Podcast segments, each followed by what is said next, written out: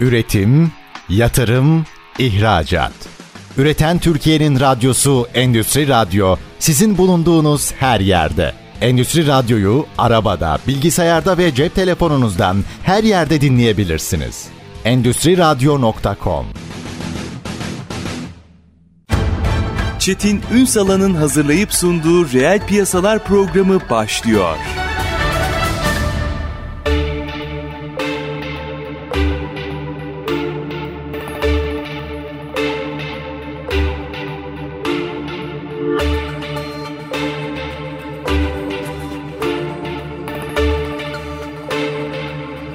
Reel piyasalardan merhabalar. Türkiye'nin gerçek gündeminde birlikteyiz. Efendim Türkiye'nin de dünyanın da aslında en gözde sektörlerinden birini konuşacağız. Otomotivi konuşacağız ama artık otomotivin kendi adı bile otomotiv olmaktan çıkıyor. Mobiliteye dönmeye başladı. Yani belki de bu sanayi devrimi yani dördüncü sanayi devrimiyle birlikte en çok yapı değiştiren, bu sadece tüketici eğilimlerinden bahsetmiyorum. Üretim metodolojisinden aslında ürünün kendisinin algısına kadar birçok noktada ezber bozan başlıklardan ön alan sektörlerden biri haline gelmeye başladı. Hem geleneksel bir sektör bir tarafta hem de yeni ekonominin önemli bir parçası haline gelmeye başladı. Tüm bu değişimleri okuyacağız. Trendleri, dönüşümü, hatta yarına ilişkin öngörüleri ne oluyor? Dünya otomotiv pazarı neyi tartışıyor? Hepsini konuşacağız. İşi bilenle konuşacağız.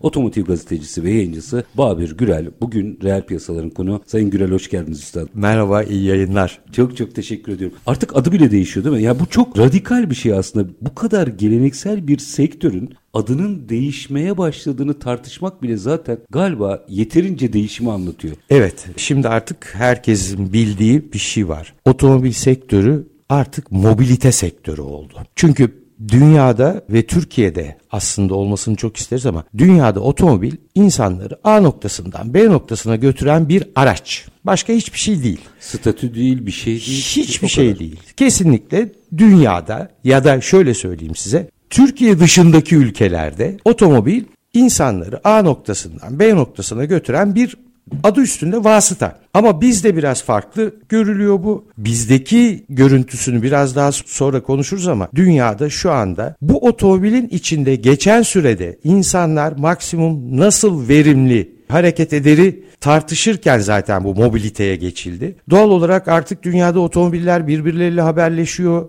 En basitinden hangi yolda trafik var o yola girme diye uyarıyor. İstediğinizde sizi zaten istediğiniz adrese götürebiliyordu otomobil. Şimdi otonom sürüşle bu sağlanacak. Otonom sürüş için doğal olarak etrafın donanımlarının olması gerekir. Her yerden bluetooth bağlantılar gerçekleşmesi gerekiyor filan filan. Bunu yapmaya başladılar zaten yakında. Bunun öncüsü de ilk Japonya oldu. Arkasından Norveç bir yol yaptı. Tamamen yolda yaya davranışlarına da endeksli uyarıları aldığı bir 6,5 kilometrelik bir yol var. Bu yolda otomobilde siz hiç müdahale etmiyorsunuz. Sizi alıyor dilediğiniz yerden dilediğiniz yere götürüyor. Pilot uygulama gibi yani. Evet aslında pilot uygulama ama bir de şöyle düşünün bir takım filmler bize bunları zaten ipuçlarını veriyordu. Ya. Özellikle bilmem dinleyicilerden herhalde takipçisi vardır. Bond filmleri bu açıdan sahiden yol göstericiydi. Biz ilk 70'li senelerde saatten konuşmayı, saatte takılan telsizi Bond filmlerinde gördük. Şimdi herkesin elinde cep telefonu. Hatta çok da uçmuşlar der, derdik o zaman. Evet evet, evet evet. Kendi kendine gidip gelen, kendi kendine kaybolan arabalar filan görürdük. Ve şimdi bunlar var. Ve bakın 79'da Jan Fleming bunları düşünmüş. Aynı bu denizler altında 20 bin fersah romanındaki gibi nükleer enerjinin kullanılması 1920'lerde çıkmış gibi görünüyor ama e, yani artık bu senaryo kiminse bilmiyorum ama otomobil ve mobilite sahiden buralardan. Müthiş bir fütürizmmiş aslında. Kesinlikle. O, kesinlikle. Üstad geçenlerde bir haber verdim. Belki buradan açalım meseleyi. Hı hı. Çin dünyanın ilk uçan taksisi için ön onayı verdi. Yani bir tık daha ileri gitmeye başladık şimdi. Evet. evet bu hani bugünkü hayalimizde bir helikopter gibi gözüküyor ama değil. değil. Yani işte dört kişinin taşınabildiği vesaire o bizim jetgillerde gördüğümüz Hı-hı. uçan arabalara doğru Hı-hı. gidiyoruz. Hı-hı. Bu iş çok mu hızlandı? Evet çünkü sahiden sektör durdurak bilmiyor. Çünkü her an bir yenilikle karşılaşıyorsunuz. Çin'de bir otomobil fuarına patent başvurusu 13 bin olmuş. Müthiş. Düşünebiliyor musunuz? 13 bin tane yeni model otomobil marka. İşte patent dediğinize göre bir de farklı özelliklerde Tabii demek tabii ki. hepsinin farklı. Yani işte önce bir şunu da anlaşalım hepsi elektrikli. Hmm, o tartışmaya kapandı artık. Artık galiba. içten yanmalı motorların ömrü bitiyor. Çünkü dünyada petrol bitecek diye bir beklenti var ki doğrudur. Ama artık her şey her şey elektrikli ve elektrik işin içine girince e tabii hem büyük bir rahatlık hem karbon ayak izi kaybolacak ve ama tabii bir takım da sıkıntılar var. Burada hemen Türkiye'ye girmek istiyorum. Bizim pazarımıza elektrikli otomobiller evet yüzde güzel rakamlara gelmeye başladılar. Şöyle ki şimdi notlarımdan bir şey okumam gerekiyor. Dünyada 8 milyon 230 bin elektrikli araç satıldı. Toplam. Evet 8 ayda. Ha bu yılın rakamları bunlar. Evet 8 ayda. Çin'deki elektrikli araç payı %28 ama Norveç'te %72. Yani oran çok artıyor ve çevreye duyarlılık konusunda Norveç bu işte başı çekiyor ve bu elektrikli otomobiller Avrupa'daki sürücü teamüllerine göre müthiş. Çünkü özellikle Norveç'te ve Almanya'da trafik kurallarına %100 uymak gerekiyor. Fakat büyük sıkıntı bizde. Geçenlerde bir otomobil markasının genel müdürüyle konuşurken buna dikkat çektim. Bakın bizdeki otomobil, elektrikli otomobillerin çoğu sahiden güçlü. Marka adı Vermeyelim, vermeyeyim, vermeden anlatayım. Bu otomobillere bizim içten yanmalı araç kullanıcılarımız geçti. Ve bu otomobillerin sahiden 0-100 100 kilometre saat hızlanmaları 4 saniyelerde, 3,5 saniyelerde, 5 saniyelerde filan. Şimdi önümüz kış. Bizim yollarımız malum. Kar, yağmur, buz nasıl olacak emin olun sahiden korktuğum bir durum. Hepsini bir kenara bakın. Bunları hadi hallettiniz diyelim. Tekniktir, yatırımdır. Sürücü kalifikasyonu da farklı. İşte maalesef demin de söyledim ya bir otomobil markasının genel müdürüyle ya dedim bunlar için bir eğitim düşünüyor Yaşayın, musunuz? yaşayın. Aa çok iyi fikir dendi. Şimdi göreceğiz inşallah inşallah. Bu sefer benim düşüncem olmaz ama elektrikli otomobili bizim alışmamız için özellikle Türk sürücülerinin alışması için biraz zaman var gibime geliyor. Orada çok naif davranırız. Biz biz kuralı çok ihlal ediyoruz. Problem Tabii. buradan kaynaklanıyor. Bizde kural yok. Bizde kural yok. Bizde herkes tutturabildiği yoldan gidiyor. Çünkü akıllı otomobil hatta otonom dediğiniz kuralların keskin bir şekilde uygulanması üzerine kurgulanmış bir Kes- yapı. Kesinlikle çünkü otonom araç aldığı emirlerin dışına çıkamıyor. Ne bilsin onu sağlayacak birinin olduğunu. ya da otobanda önüne adam çıkacağını. Çünkü tamam ona duyarlılar da ama bizde her şey mümkün. Mesela bu e, çok dışarıda bir konu gibi gözüküyor. Hiç konuşulmayan bir konu. Çok içinde bir konu aslında. Evet maalesef öyle ve, ve bunun önleminin çok önce alınması gerekiyordu. Çünkü Türkiye'de bakın şöyle söyleyeyim 49 marka var Türkiye'de şu anda. Toplam. Toplam otomobil markası 49 tane. Bunların 23 tanesi sadece %100 elektrikli otomobil üretiyor. Ve daha da gelecek var marka olarak. 49'a 23 çok ciddi Ee, bir sayı. Evet, evet ve Türkiye'de bu pazar da büyüyor. Bakın çok ciddi büyüyor. 34.595 tane satılmış 8 ayda. Bir de yüzdelerine baktığınızda sıçramalar var hep. Tabii Yani var. Ciddi sıçramalar Tabii var. ki çünkü hibriti elektrikliden saymadan konuşuyorum. Bakın salt elektrikli, %100 elektrikliden bahsediyorum. 34.595 tane satılmış. Ve bu emin ol tabii burada markaları gene vermeden üstünden geçeceğim. Önemli markaların, önemli modelleri, hızlı modelleri ama eğitimsiz sürücüler ve çok da büyüyecek bir sektörde ne önlem almak gerekiyor? Bunu aslına bakarsanız sektörün üst yöneticilerinin oturup bir karara varması lazım ve bir ortak kararla bunu çözmesi gerekiyor. Üstad ara manşet attık. Aslında bence bu çok mühim bir konu. Çok az hatta hiç konuşulmayan Evet. bir konu. Yine konuşmaya devam edelim. Açacağız ama minik bir araya gidelim. Aranın ardından reel piyasalarda otomotiv sektöründeki dönüşümü ya da mobilite sektöründeki dönüşümü mercek altına almaya devam edeceğiz. Bakın Sayın Gürel çok enteresan bir yere vurgu yaptı. Son derece teknolojik elektrikli otomobillerimiz var ama biz ne kadar doğru sürücüleriz. Kısa bir ara aranın ardından otomotiv gazetecisi ve yayıncısı Babür Gürel ile sohbetimiz devam edecek. Lütfen bizden ayrılmayın. Üretim, yatırım, ihracat. Üreten Türkiye'nin radyosu Endüstri Radyo sizin bulunduğunuz her yerde. Endüstri Radyo'yu arabada, bilgisayarda ve cep telefonunuzdan her yerde dinleyebilirsiniz. Endüstri Radyo.com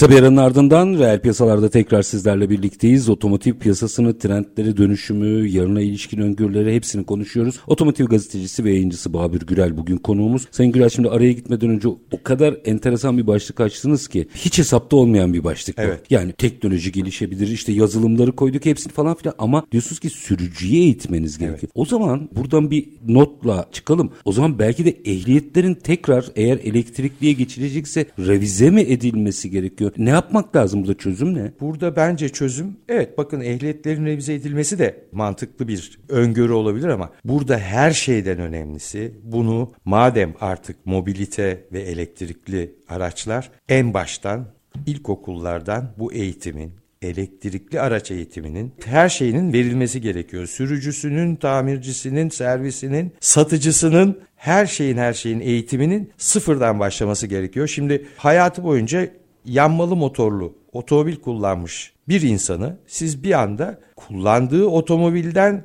çok çok güçlü bir koltuğa oturtuyorsunuz. Biz motorlu otomobillerde ne öğrendik? Devirli kullanmak gerekir. İşte yakıt ekonomisi, aracın daha az bozulması gibi. E şimdi burada Öyle bir şey yok. devir yok. Ve aslına baktığınızda siz aracın içindeki bir gücü gaza basarak boşaltıyorsunuz. Bu güç boşalıyor. Aslında gaza basmak oradaki güçteki fren demek ama hazır bir potansiyel gücü siz serbest bıraktığınız anda zaten çok fazla ve hiç alışık olmadığınız bir sürede hızlanıyor ortalık. Bunun eğitimi çok önemli. Bunu nasıl ne yapılır yine işte artık buralarda fikir birlikleriyle paylaşımlarla bu işin aşılması gerekiyor ve bu işin en önemli tarafı evet eğitim. Ehliyetten olur, sürücü davranışlarından olur. Her yerde her yerde bunun eğitimini vermek gerekiyor. Satış sonrası hizmet dahil eğitim. Her şey her şeyiyle çünkü bakın Aslında yeni adı eski ama kendi yeni bir ürünle karşı karşıyayız aslında. E, tabii baktığınızda tabii ki. Tabii ki öyle ama bizde şimdi bu yeni üründe de şu sıkıntılar var. Bakın dün İstanbul'da yağmur yağdı.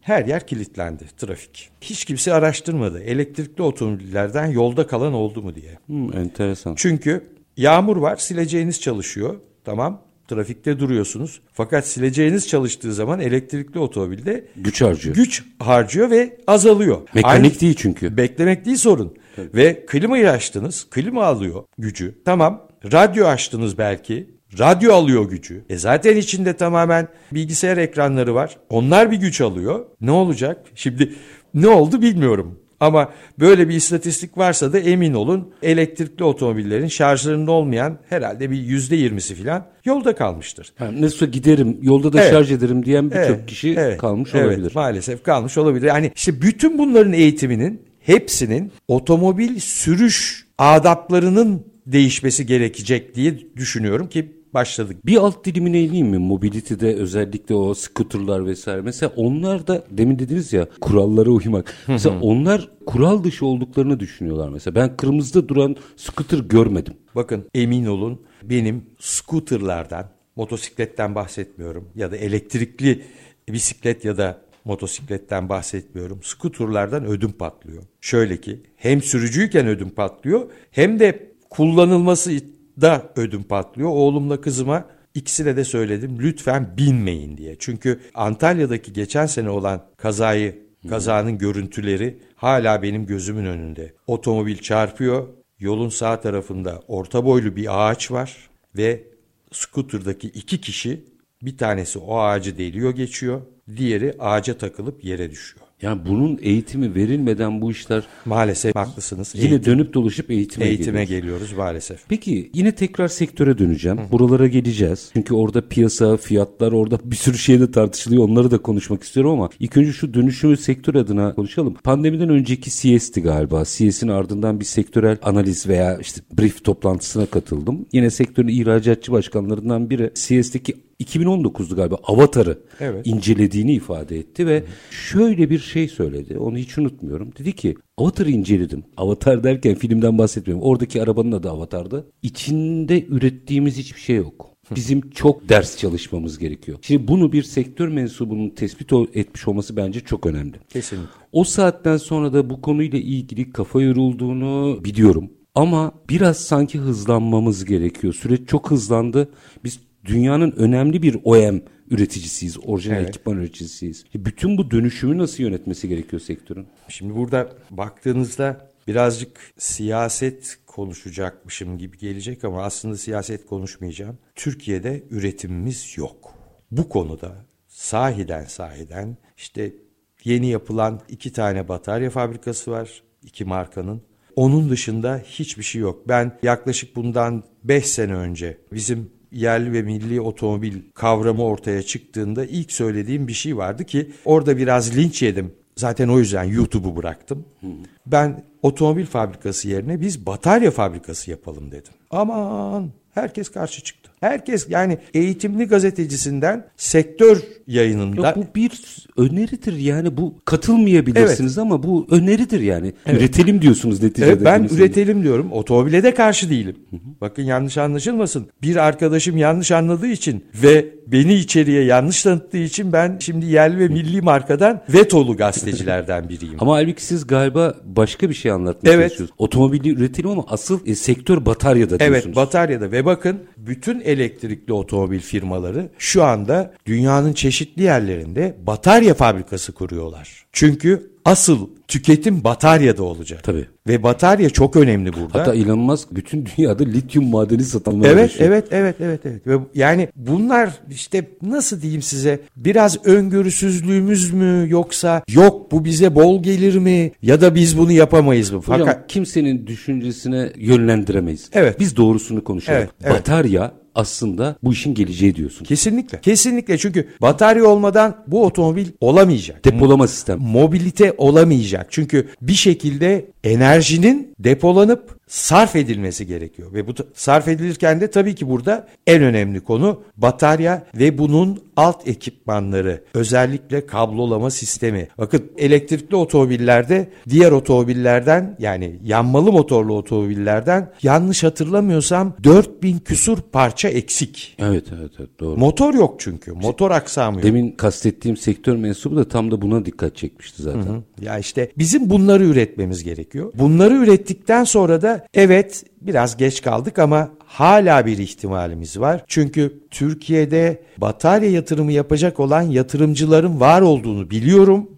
Biraz desteklenmeleri gerekiyor ama tabii bu destek neye göre ve nasıl yapılır ben onlara karışmam. Ama stratejik başlık olarak alınması gerektiğini düşünüyorsunuz eğer Kesinlikle. bu sektörü konuşuyorsak. Kesinlikle, kesinlikle, evet, kesinlikle. Çünkü elektrikli araçlarda ya da bütün mobilite sistemlerinde hepsinde en önemli komponent batarya. Siz teşbihte hata olmaz mı? Sözlerinizden şunu anlıyorum. Telefon pazarı olarak bakalım. Evet. Hadi geçtim otomobilden. Dünyanın en iyi yazılımlarıyla en mükemmel, en güzel telefonlarını ürettiniz. Evet. Bir başkası da ürettiği müthiş rekabet var. Evet. Batarya enerji, olmazsa- enerji olmadan konu kapanıyor. Batarya olmazsa hiçbir şey. Hani şu Yani o meşhur... telefonun açılması lazım. Tabii tabii tabii. Şu meşhur hikaye var ya Google demiş ki ben her şeyi biliyorum. İnternet hay demiş ben olmasam sen bir işe Yaramazsın. yaramazsın. Öbür taraftan da elektrik konuşmuş susun. konu bu aslında. Evet, konu bu. aslında. Konu bu. Peki oradaki yatırımlar zor mu? Ya dediniz ya bu konuya yatırım yapacak olanlar ekosistemi bekliyor. Eğer doğru işleri yaparsak konuda dünyada oyuncu olabilme şansımız nedir? Aslına bakarsanız iyi bir lokasyonda olan Türkiye'nin bu konuda sahiden sahiden akıllı ve planlı bir şekilde yatırıma girer ise güçlü olması çok olası. Şöyle ki neticede üretim hane diyerek geçiyorum hepsini. Üretim hanelerinin hepsine yakın bir yerdeyiz biz. Doğru. Baktığınızda herkese yakınız. Uzak Doğu sağ tarafımızda, Avrupa sol tarafımızda ve altımız zaten Afrika ve en güzel tarafımız biz etrafımızdaki deniz, iki büyük denizden dolayı Lojistik avantajımız var. işte o yüzden bize yatırımın gelmemesinin sebepleri de işte herkesin bildiği malum sebepler. Onları tekrarlamaya gerek yok ama Türkiye hala geç kalmış değil. Bakın az önce ver, Elon Musk örneğini verdiniz. O da Avrupa'da, Çekoslovakya'da ve Bulgaristan'da batarya fabrikası yapmayı planlıyor. Tamam Çin'deki fabrika uzak olabilir Ama Çin'de 4 tane 5 tane var. Amerika'da planlanan bir batarya fabrikası grubu var. Hatta buna çip üretimini de koydular. Şimdi. Hepsini katabilirler. ettiler. Çünkü neticede o bir teknoloji ve o teknolojinin altyapısını kurduğunuzda her istediğinizi üretebilirsiniz. Ve batarya konusu emin olun şu anki petrol konusu kadar önemli bir konu olacak. Müthişsiniz. Orada bir cümle geçtiniz ama galiba bu sektörü konuşurken en çok üzerinde durmamız gereken noktalardan biri bu. İki ülke saydınız. Aslında ben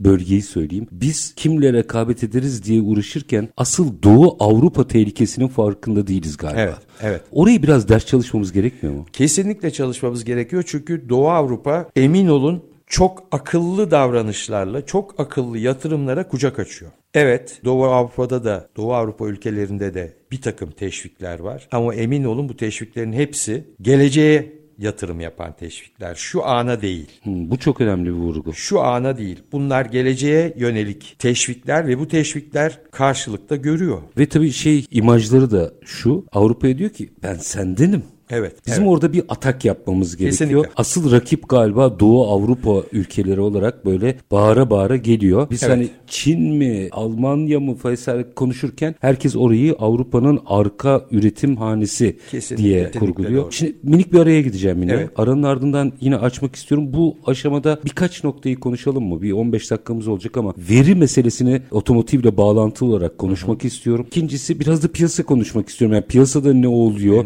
ne konuşuluyor. Onları da mercek altına alalım ama minik bir araya gidelim. Aranın ardından otomotiv gazetecisi ve yayıncısı Babür Gürel'le otomotiv sektörünü mercek altına almaya devam edeceğiz. Lütfen bizden ayrılmayın. Üretim, yatırım, ihracat. Üreten Türkiye'nin radyosu Endüstri Radyo sizin bulunduğunuz her yerde. Endüstri Radyo'yu arabada, bilgisayarda ve cep telefonunuzdan her yerde dinleyebilirsiniz. Endüstri Radyo.com Kısa bir aranın ardından reel piyasalarda tekrar sizlerle birlikteyiz. Konuğumuz otomotiv gazetecisi ve yayıncısı Babür Gürel. Otomotiv ya da mobilite sektörünü konuşuyoruz. Şimdi üretimi bir kere şu ikinci başlığı da atalım da. Birincisi bence elektrikli otomobillerle ilgili ciddi bir sürüş Eğitim. eğitiminin verilmesi Evet, gereği. evet. İkincisi ise bu söylediğiniz batarya meselesi ve burayı üretimhanelerin ortak hub'ı yapabilme meselesi bence çok kritik ikinci başlıkta. Üçüncü başlık daha açalım.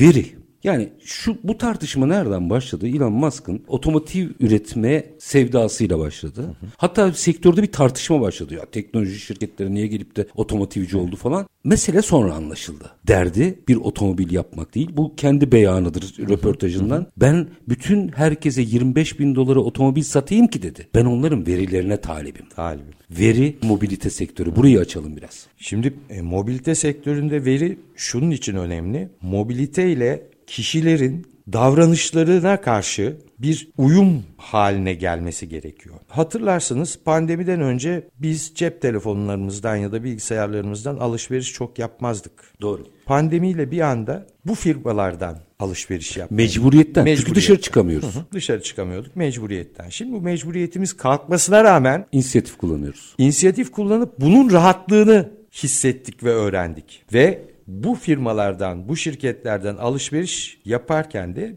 bütün bilgilerimiz bir yerlerde toplanmaya başladı. Banka bilgilerimiz, hangi renk pantolondan hoşlandığımız, hangi stil ayakkabıdan hoşlandığımız hepsi bir şekilde bir yerlerde depolanıyor. Hatta telefon yanınızdayken, kapalıyken dahi bir takım şeyleri zikrettiğinizde sosyal medyada karşınıza onların ilanları gelmeye Tabii, başladı tabii. ki artık bu korkulur bir yere doğru gidiyor. Yani şeyi çok tartışılır ya bu komplo teorisi herkese çip takacaklar diyorum. Ben diyorum ki gerek yok ki telefon yanında. E, tabii tabii. Çipe gerek yok. Baktığınızda bütün veriler mobiliteyle entegre haline geldiği anda bana çok rahat diyecek ki bugün perşembe iş. Uf, şuralar kapalı buralar böyle bilmem ne hava kötü. Otur evden çalış. Bunu bana diyecek olan araba. Ben bunları bekliyorum. Evet veri hepimizin alışkanlıklarının bir yerde depolandıktan sonra bu distopik filmlerde olduğu gibi işte kocaman kocaman duvarlar içinde işte bir grup yüzde iki yeşil yerde yaşayacak, yüzde sekiz kurak yerde yaşayacak. Bunları oraya biz göndereceğiz gibi aslına bakarsanız biraz korkunç ama Ama ticari operasyon. tamamen ticari operasyon olarak bunlar kullanılacak ve aslında kullanılmaya başlandı. Ya ben arabayı dinler miyim diye düşünüyorsunuz. Çok da normal. Ben niye bir makine dinleyeyim? Her sabah çıkmadan önce telefonunuzdan hava durumuna bakıp ona göre kıyafetinizi şekillendiriyorsanız bence bu çok uzak bir durum değil. Değil, değil kesinlikle. Kesinlikle değil ve evet gelecek güzel ama sanki biraz korkulu gibi. Bu aşamada bir noktayı daha konuşmak lazım. Ufak ufak piyasaya gelirken bu eğilimi de konuşmazsam, şimdi verilerimizde bir ekonomi yaratacağız. Burada apayrı tartışmalar olacak. İşte belki oradan gelir kurgusu oluşturulacak insanlara vesaire. Ama bir noktaya daha gelmek gerekiyor. Bu bütün bu süreçte dönüşümde bir eğilim var. Piyasaya gelmeden önce ara geçişi buradan yapmak isterim. Yeni kuşakta sahiplik duygusu yok. Kullanıyor, kiralıyor ve bırakıyor. Sonra ihtiyacı olduğunda bir daha kullanıyor. Bunu turizmde görüyorsunuz, bunu otomotivde görüyorsunuz. Her alanda bunu görüyorsunuz. Hatta hani ikinci el kıyafet kullanıyorlar vesaire. Evet, evet. Şimdi bu bütün otomotiv veya mobilite endüstrisinin finansman yönetimini, pazar üretim metodolojilerini, her şeyini baştan çalışması gereken bir başlık. Burayı da biraz Tabii değerlendirmenizi sevinirim. kesinlikle düşündüğünüzde ya da genç bakışla olaya baktığınızda vallahi gençler çok haklı. Çünkü otomobili almak için şu anda finansman zor. E, aldığınız otomobili zaten yüzde ellisi aracınız en kötü şartlarda yüzde ellisi aracınız kapının önünde duracak. Çünkü akaryakıt, yakıt, elektrik çok pahalı. Neyse neyle çalışacaksa. Neyle çalışıyorsa. Baktığınızda otomobili işletmek pahalı. Vergisiydi, işte yedek parçasıydı, bozulmasıydı, her şeyle. Ben bu kiralama sistemi yani al kullan bırak ihtiyacın olduğunda tekrar al kullan bırak e, bana çok mantıklı geliyor. Ve şimdi bizim gençliğimizden baktığımızda ben ilk arabamı almak için deli gibi para biriktirmiştim. Deli gibi para biriktirirken otomobile gitme şansım yok. Yine toplu taşımayla geziyordum. Şimdi, Ama hede- hedef vardı. ama hedef var. Şimdi gençlerin hedeflerinde otomobil almak yok. İhtiyacım olursa kiralarım diyor. Konuşmamızın en başındaki şeye geliyorum. Konuya geliyorum. A noktasından B noktasına. Amaç A noktasından B noktasına gitmek. Bunun nasıl gidildiğinin önemi yok aslına baktığınızda. Toplu taşımayla da gidiyor, özel arabasıyla da gidiyor, skuterla da gidiyor, elektrikli bisikletle de gidiyor, elektrikli motosikletle de gidiyor. Ya da yürüyor. Bu bir tercih meselesidir ama amaç A'dan B'ye gitmekse bu aradaki aracın sahipliği tartışılır. Çünkü bu sistem evet herkesi yeni bir takım düşüncelere iten bu sistem bana göre çok mantıklı. Evet biraz da sıkıntısı var ama özellikle park yeri konusunda biraz da sıkıntısı var ama ben bu sistemi çok iyi bakıyorum ve daha da gelişeceğine inanıyorum. Şimdi bu bu paylaşım ekonomisi zaten. Evet, evet. Ama burada işte ilkesel olarak baktığımızda çok güzel. Döndüm endüstri açısından baktığımızda işler eskiden çok kolaydı. Yani demografiye bakıyorsunuz, nüfusa bakıyorsunuz, satın alma güçlerini inceliyorsunuz. Aşağı yukarı bir üretim ve satılabilirlik hesabı yapıyorsunuz ve ona göre de dünyanın her yerine üretip satıyorsunuz. Evet doğru doğru. Şimdi hesap karıştı. Şimdi her yer karıştı. Nasıl ders çalışacaklar buna? Sabahtan beri sizinle konuştuğumuz konu eğitim ve gelecek geldi aslına bakarsanız. Bakın otomobil firmalarının şapkalarını masaya koyup düşünmeleri gerekiyor. Çünkü biz ürettiğimiz ürünü nasıl satacağız? Ya da kime satacağız? Ve kime satacağız? Türkiye'de şu anda otomobil alabilecek kesim yüzde 10-12 civarında. Çünkü sabit gelirli insanların şu anda otomobil sıfır otomobil alma şansı sıfır. O 10-12'nin en az yarısı da yenileme potansiyeli var. Yani Tabii. hepsinin bir otomobili var çünkü. Tabii tabii tabii tabii. Yani evet ikinci otomobil ya ya da işte Yenileme aracı vesaire. yenileme, döndürme gibi düşüncelerle yapılabilir. Pazar büyümüyor yani. Aslına bakarsanız pazar büyümüyor. Çok doğru bir şeyin altını çizdiniz. Pazar büyümüyor. Pazarda sadece tüketime yönelik bir artış var ama bu artış da yeniliklerle gidiyor. Fonksiyon anlatarak. Evet, evet kesinlikle öyle. Çünkü otomobillerde de çeşit çeşit versiyonlar var. Baktığınızda bugün fiyatı 900 küsur bin lira olan C segmentinde bir otomobil ki başlangıç versiyonudur. Bu otomobilde 554 bin lira vergi var. 554 bin lira verginin olduğu bir sistemde yani aracın çıplak fiyatı 500 bin lira bile değilken buna para bağlamak mı mantıklı geliyor gençlere? Bu genç, Kiralamaya dönüyorlar. Kiralamaya dönüyorlar. Şimdi burada işte dediğim gibi otomobil firmaları bunu düşünmek zorundalar. Evet maalesef bizdeki sistemde vergilendirme çok yüksek. Otomobil firması bu durumda nasıl ucuz otomobil yaparımı düşünmek zorunda, nasıl ucuz otomobili piyasaya sunarımı düşünmek zorunda.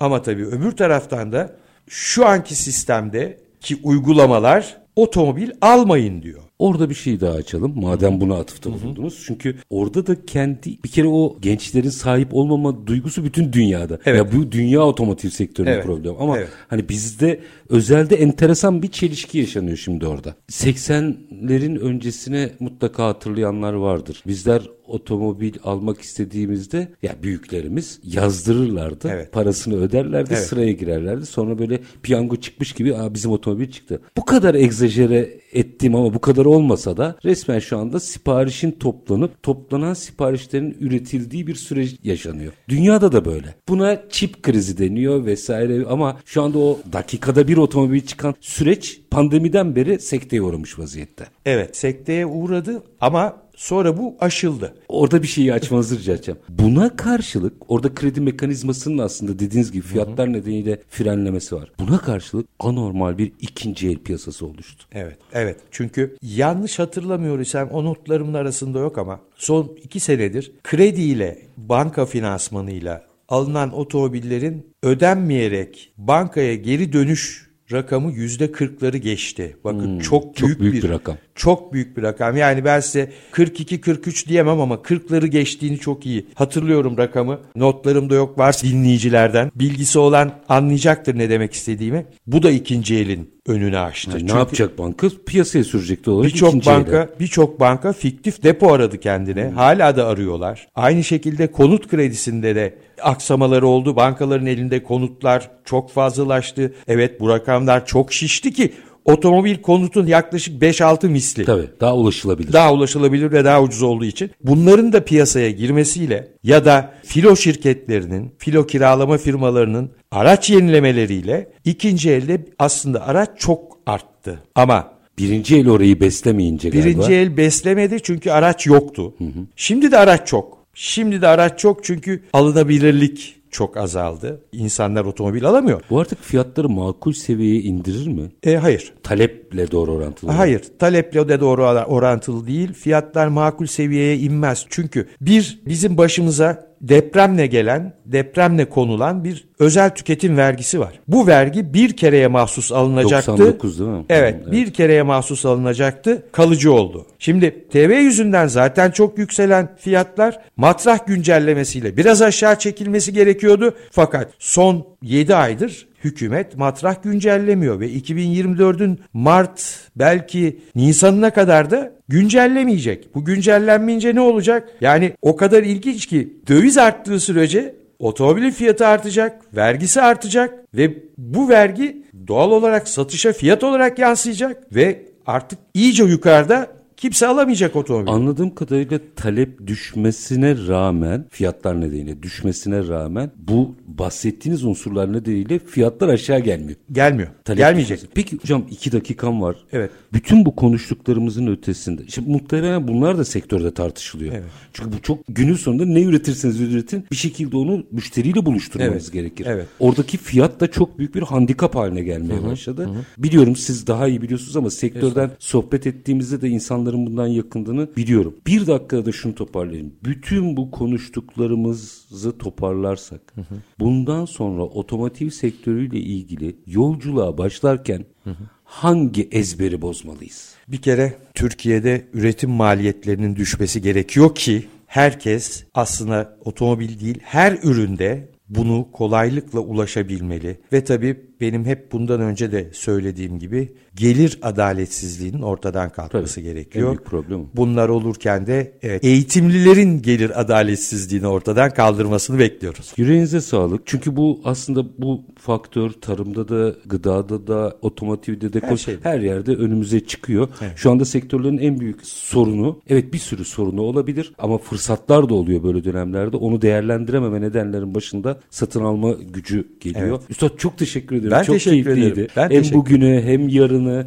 güzel bir yolculuk yaptık ama gördüğümüz kadarıyla otomotiv sektörü daha çok ders çalışacak ama çarpanlarıyla, bileşenleriyle beraber yani kullanıcısından Evet. satış sonrası hizmet verenine kadar çok ezber bozulacak. Kesinlikle. Üstadım kesinlikle. çok teşekkür ederim. Ben teşekkür ederim. Var olun. Efendim biz bugün otomotiv piyasasını, trendleri, dönüşümü, yarına ilişkin öngörüleri hatta sektörün bugünkü durumunda tüm yönleriyle mercek altına aldık. İşler değişiyor. Çok ders çalışmanın gerektirdiği bir süreçteyiz. Dersini doğru çalışanların da buradan fayda sağlayarak çıkacağının altını çizelim. Ama dersine doğru çalışanları ve tabii doğru derse girenleri bu arada. Otomotiv gazetecisi ve yayıncısı Babür Gürel bugün konuğumuzdu. Biz programımızı her zamanki gibi bitirelim. Şartlar ne olursa olsun paranızı ticarete, üretime yatırmaktan, işinizi layıkıyla yapmaktan ama en önemlisi vatandaş olup hakkınızı aramaktan vazgeçmeyin. Hoşçakalın efendim.